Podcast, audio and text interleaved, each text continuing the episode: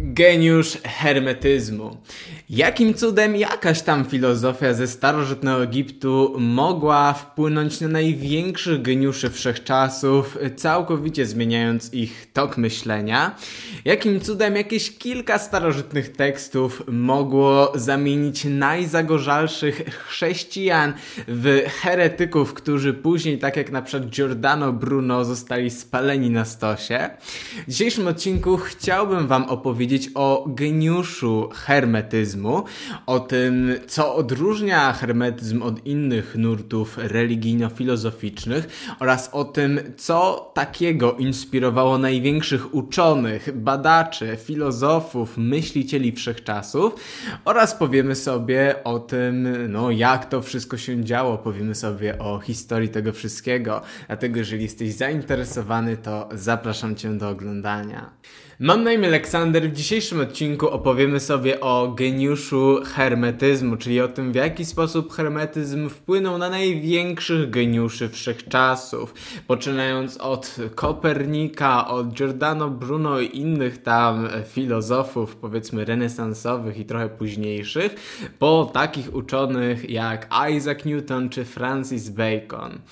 I zacznijmy od tego w skrócie, że hermetyzm to filozofia ze starożytnego Egiptu Egiptu i Grecji i jest ona, została ona stworzona na podstawie wizji pewnego Hermesa Trismegistosa, o którym mówię w innych odcinkach na moim kanale i była to wizja mistyczna. Hermes Trismegistos miał e, wizję, w której pokazał mu się umysł Boga, umysł wszechświata, który pokazał mu jak działa cały wszechświat, jak to wszystko powstało, jaka jest rola człowieka we wszechświecie oraz no jak to wszystko działa, jak działa czas, jak działa przeznaczenie i inne takie powiedzmy filozoficzno-duchowe koncepcje.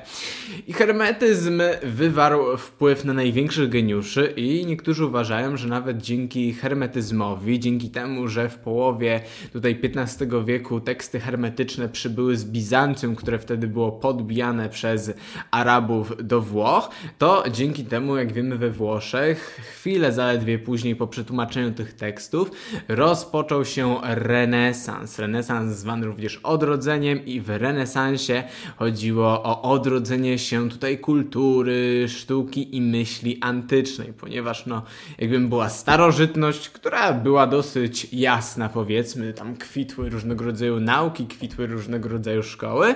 Później mieliśmy te wieki ciemne, gdy no jak wiemy podbito Imperium Rzymskie, było średniowiecze i już wtedy no życie ludzi się bardzo, ale to bardzo pogorszyło już nie było takiej świetności w tym wszystkim. A później po średniowieczu mam właśnie odrodzenie renesans, gdzie ta myśl, to światło antyczne miało powrócić. I co ciekawe, nawet Kopernik pod wpływem tekstów hermetycznych tutaj wpadł na jego teorię heliocentryczną. I kto wie, czy gdyby nie teksty hermetyczne i gdyby nie to, że zostały one przetłumaczone, to może Kopernik by wcale nie odkrył jego teorii heliocentrycznej, no i nie wywrócił naszego rozumienia tego, jak działa wszechświat, że tak naprawdę Słońce jest w centrum naszego układu słonecznego, a nie Ziemia, co później zostało potępione przez Kościół katolicki jako herezję. I Kopernik w swojej pracy, tej znanej o obrotach sfer niebieskich, na początku cytuje słowa wielkiego Hermesa Trismegistosa z tekstów hermetycznych, że Słońce jest widzialnym Bogiem, nie Ziemia. I y, Kopernik e, wiele razy mówił, że naprawdę zainspirowały go te teksty do badania tutaj jego teorii heliocentrycznej, więc kto wie, czy gdyby nie hermetyzm, to Kopernik może by nie wpadł na tą teorię. I pamiętajmy, że Kopernik był biskupem, był zagorzałym chrześcijaninem i aby nie wyjść na heretyka i nie zostać potępionym przez Kościół, czekał do jego śmierci z wydaniem tej rewolucyjnej tak naprawdę pracy. Dlatego jak widzimy, hermetyzm wpływał na największych chrześcijan i tak naprawdę chrześcijaństwo wzięło wiele idei z hermetyzmu, albowiem tacy pierwsi ojcowie z kościoła, podczas gdy jeszcze no, Biblia nie była taka ułożona, uporządkowana, jeszcze wybierano teksty, to ojcowie kościoła znali hermetyzm, znali różnego rodzaju starożytne filozofie i zmieniali te teksty, które miały być w kanonie biblijnym, tak aby no, jak najbardziej pasowały i mamy dużo przykładów, na przykład tak zwany Orichen oraz Klement Aleksandryjski.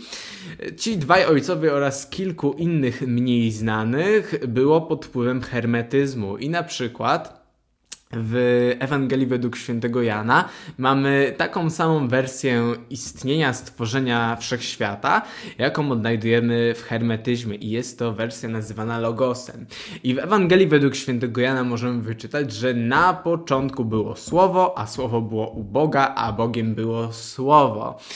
I to słowo, które no, się uważa jako słowo w, we współczesnych tłumaczeniach, to to słowo w oryginalnej Grece, w której zostały napisane tutaj pisma Nowego Testamentu oznacza logos.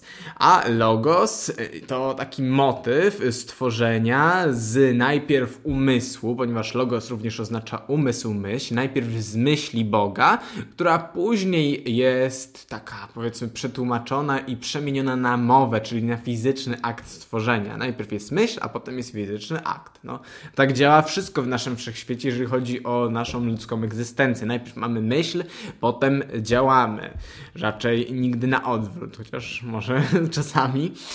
I y, takie stworzenie nazywa się właśnie z logosu. Jest ono bardzo popularne. Mamy na przykład w hinduizmie, że na początku była świadomość i z tej świadomości dzięki pradźwiękowi OM AUM, takiemu z trzech powiedzmy liter, no powstał wszechświat. Dlatego wśród starożytnych kultur stworzenie z logosu jest bardzo, bardzo znane.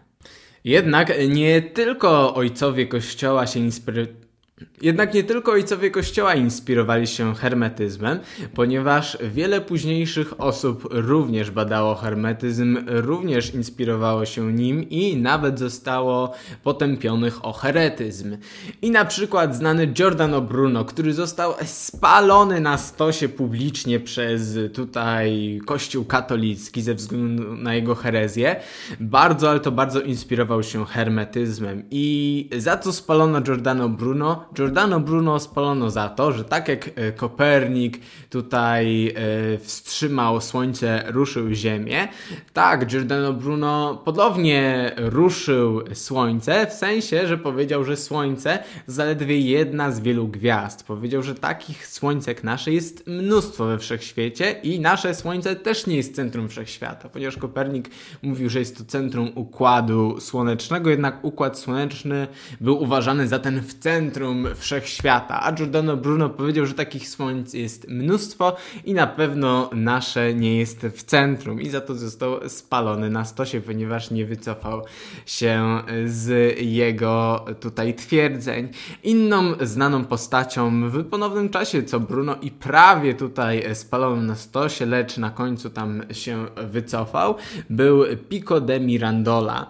I Pico de Mirandola tutaj był całkowicie zainspirowany hermetyzmem, był całkowicie zatopiony w hermetyzmie i no badał ten hermetyzm, badał i swoje idee zaproponował, że będzie co roku co roku wypowiadał na głos publicznie i że co roku będzie taki w Rzymie zjazd wszelkiego rodzaju uczonych, filozofów, myślicieli, którzy będą właśnie o hermetyzmie rozmawiać.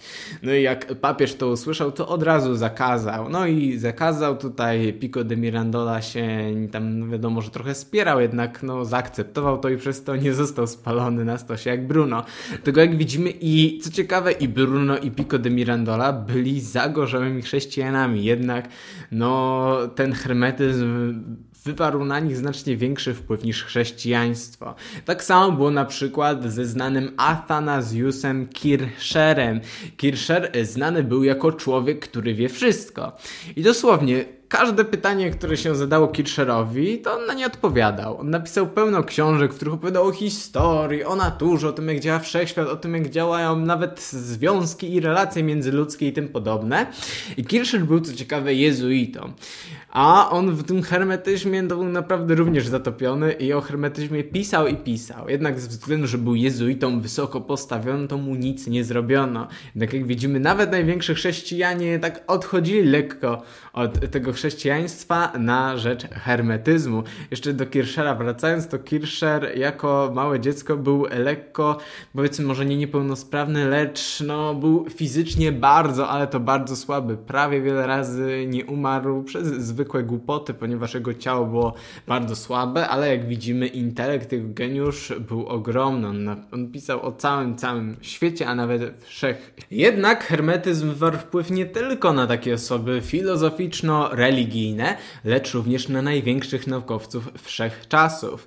Zacznijmy od Francisa Bacona, który jest uważany za jednego z ojców współczesnej nauki, ponieważ to on interesował się metodologią naukową, mówił o tym, jak ważna jest obiektywność w nauce i wiele z jego takich teorii oraz metod jest uważanych no, za jedne z pierwszych, jeśli chodzi o współczesną naukę. I Francis Bacon był również pod wielkim wrażeniem hermetyzmu, był pod wielką też inspiracją tekstów hermetycznych.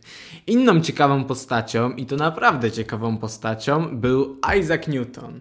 No, Newton, jak wiemy, znany jest ze swojej teorii grawitacji, również tutaj wymyślił całki. I jeżeli chodzi o Newtona, to ta sytuacja jest bardzo ciekawa, ponieważ z jednej strony mamy tę grawitację i mamy no taką materialistyczną naukę typowo, a z drugiej strony Newton interesował się nie tylko tekstami hermetycznymi, z których najbardziej interesowała go tablica szmaragdowa Tocha, która miała tam podobno zostać odkryta przez Aleksandra Wielkiego w grobie wielkiego Totha Hermesa Trismegistosa miał on ją trzymać na piersiach, taka jest jedna z legend. I Newton oprócz y, hermetyzmem interesował się również alchemią i astrologią. No a jak wiemy, alchemia i astrologia to dwie z trzech głównych nauk Hermesa Trismegistosa. Trzecią jest teurgia. No jest to bardzo ciekawy przypadek, ponieważ nawet teksty hermetyczne, w których jest mowa, że piramidy w Gizie zostały zbudowane przed Wielkim Potopem w celu zachowania wiedzy sprzed potopu dla przyszłych pokoleń po katastrofie, no to pod wpływem tych informacji Newton szukał wymiarów Ziemi w Wielkiej Piramidzie w Gizie, ponieważ potrzebował ich do swojej teorii grawitacji. No, żeby znaleźć stałą grawitacyjną i żeby to wszystko ładnie opisać, dobrze by było znać wymiary Ziemi, aby no, wiedzieć, jaką mniej więcej siłę ma ta Ziemia i aby znaleźć, no, jak ta grawitacja dokładnie y, działa. Jednak za czasów Newtona nie było tak naprawdę żadnych dokładnych wymiarów Ziemi, nie były one znane, dlatego Newton posunął się o taki krok, aby szukać y, wymiarów Ziemi w Wielkiej Piramidzie w Gizie, która no, jest tysiące lat starsza. Co może się wydawać śmieszne, jednak jak widzimy był on wielki wielkim zwolennikiem hermetyzmu. Nie odkrył tych wymiarów, ale co ciekawe, i o tym mówię w innych materiałach na moim kanale, te wymiary Ziemi naprawdę są ukryte w Wielkiej Piramidzie w Gizie. Mamy jeden e, również taki oryginalny, starożytny mit dotyczący tego i gdy się posłucha mitu i tam jest, że chyba bok e, podstawy Wielkiej Piramidy w Gizie, tam jedna ósma e, połud południkowego jakiegoś podziału, no to ja to obliczyłem, tak jak jest w tym micie i wyszło mi tam zaledwie kilka procent, 1, 2, 3, już nie pamiętam ile, różnicy pomiędzy oryginalnymi wymiarami Ziemi, dlatego no coś w tych wymiarach Ziemi jest. Mam dużo odcinków na moim kanale o tym, również o innych właściwościach piramid, które wiążą się z budową naszej planety, z północną półkulą i tym podobnym. Jednak jak widzimy, no, wiele osób, które wydawałoby się albo z jednej strony typowo katolikami i uznającymi inne rzeczy za herezję, albo typowo naukowców, no, którzy nie powinni się takimi rzeczami interesować, aktualnie się interesowało i inspirowało hermetyzmem. Jednak największe pytanie i najciekawsze jest, co jest takiego w tym hermetyzmie, że inspiruje to największych tak naprawdę geniuszy naszych, no nie naszych, raczej wszech czasów, jacy istnieli po tym ujawnieniu tych tekstów hermetycznych. I odpowiedzią jest to, o czym mówiłem w pierwszej analizie tekstów hermetycznych, a mianowicie, że hermetyzm, jak sama nazwa wskazuje, o tym też zaraz powiem, miał być religią filozofią, która nie mogła zostać zmieniona. Oryginalnie Hermes Trismegistus mówi, że nie powinna ona być nawet tłumaczona na żaden język z egipskiego. Ma ona pozostać w oryginalnej wersji, nikt nie ma jej zmieniać, nikt nie ma jej zaprzeczać, ponieważ no, jest to wiedza na podstawie wizji objawionej i ona jest napisana w specjalnym języku, który w magiczny sposób, no współcześnie byśmy uznali za magiczny, rezonuje z oryginalną wiedzą. O co chodzi?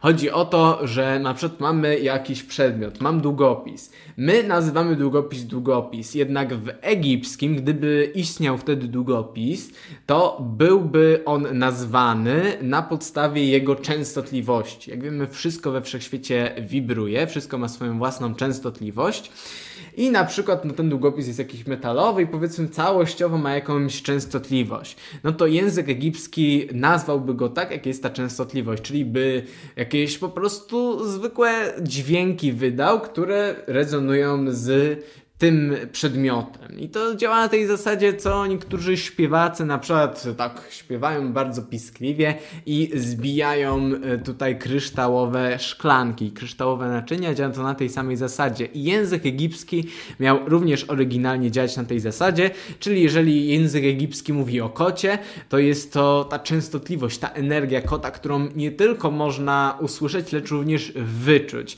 To tak jak z niektórymi słowami, które zachowały się do naszych czasów, i które są podobne na całym świecie, jak na przykład matka, ojciec, ojciec nie, raczej mama, tata, które jak wiemy są podobne na całym świecie i może nie oddają w 100% tego rezonansu, bo mamy matka, mader i inne takie, muter, lecz no jest jakiś trzon i są jakieś tutaj podobieństwa z tą oryginalną częstotliwością, a język egipski miał dochodzić do tej oryginalnej, oryginalnej częstotliwości, czyli jak mówiłeś kot, to czułeś w swoim ciele tą energię kota.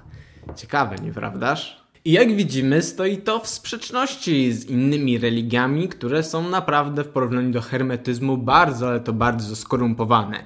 Też pamiętajmy, że no wiemy, te teksty hermetyczne później jednak przetłumaczono kilka razy, jednak no oryginalnie idea była, żeby ich nie tłumaczyć, żeby zawierały oryginalną wiedzę. Jednak tych tekstów nie zmieniano aż tak bardzo, jak na przykład zmieniano chrześcijaństwo. I od soboru do soboru na przykład usuwano dane księgi, dodawano jakieś księgi i później później, jak wiemy, uważano jedno za herezję, potem drugie. No, Kościół chrześcijański największe błoto robił. Tutaj mieszał w tutaj oryginalnym kanonie, powiedzmy biblijnym, w oryginalnej tradycji. Raz uznawał jedno, raz nie. Nawet na początku w ogóle w chrześcijaństwie wierzono w reinkarnację. Później na jednym z soborów usunięto ją. Opowiadam o tym w innych odcinkach i w mojej książce Deja Vu, czy wszystko już było. I tak samo jest w wielu innych religiach. No, może tam wiadomo jakieś religie wschody, jakiś tam hinduizm, czy jakiś dżinizm, no to również te wszystkie religie na przestrzeni e, wieków, te systemy wierzeń się zmieniały, ale tam było głównie nie tak jak w kościele było to celowe, to tam najczęściej, no wiadomo, nowa kultura, coś się zapomniało, coś się źle przetłumaczyło i tym podobne. Jednak no w kościele było to celowe. A jak widzimy teksty hermetyczne, no miały być oryginalne i tylko zostały przetłumaczone. Oryginalne miały być oryginalnie ze starożytności od wielkiego Totha, egipskiego boga mądrości. Jednak jak wiemy, zachowane teksty hermetyczne pochodzą tak powiedzmy z II-III wieku naszej ery. Niektórzy tam twierdzą, że trzeci wiek przed naszą erą. Jednak na pewno mają wpływy z helenistycznej Aleksandrii i z Wielkiej Biblioteki Aleksandryjskiej, w której znajdowała się cała mądrość no, wszechczasów, jaką udało się zebrać.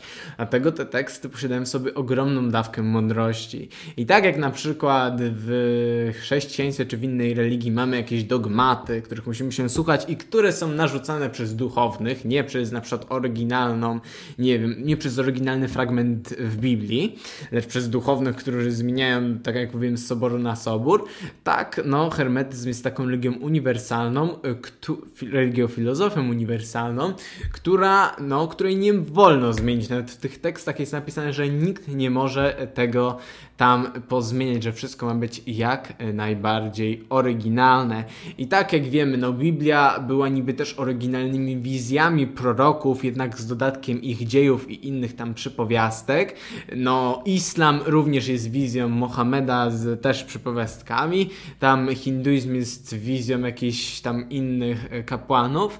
Tak, hermetyzm był oryginalną wizją Totha i na, tej, na podstawie tej wizji Toth pisał, jak działa wszechświat i to miało pozostać i pozostaje niezmienne. Dlatego Wielu uczonych tutaj dążyło i interesowało się hermetyzmem, ponieważ no, hermetyzm dawał nadzieję na odnalezienie, to się nazywa priska teologia, czyli prawdziwa teologia, teos Bóg, loga wiedza, czyli prawdziwej wiedzy o Bogu, prawdziwej filozofii, takiej powiedzmy nawet ostatecznej prawdy, czego no nie dawało ani chrześcijaństwo, ani inne religie, ani nauka jeszcze nie była na tyle wykształcona i raczej nie będzie, ponieważ nauka no, zajmuje się tylko materialnym aspektem rzeczywistości, a y, nawet w tekstach hermetycznych jest napisane, że materialny aspekt rzeczywistości jest mechaniczny. No tak samo współczesna nauka.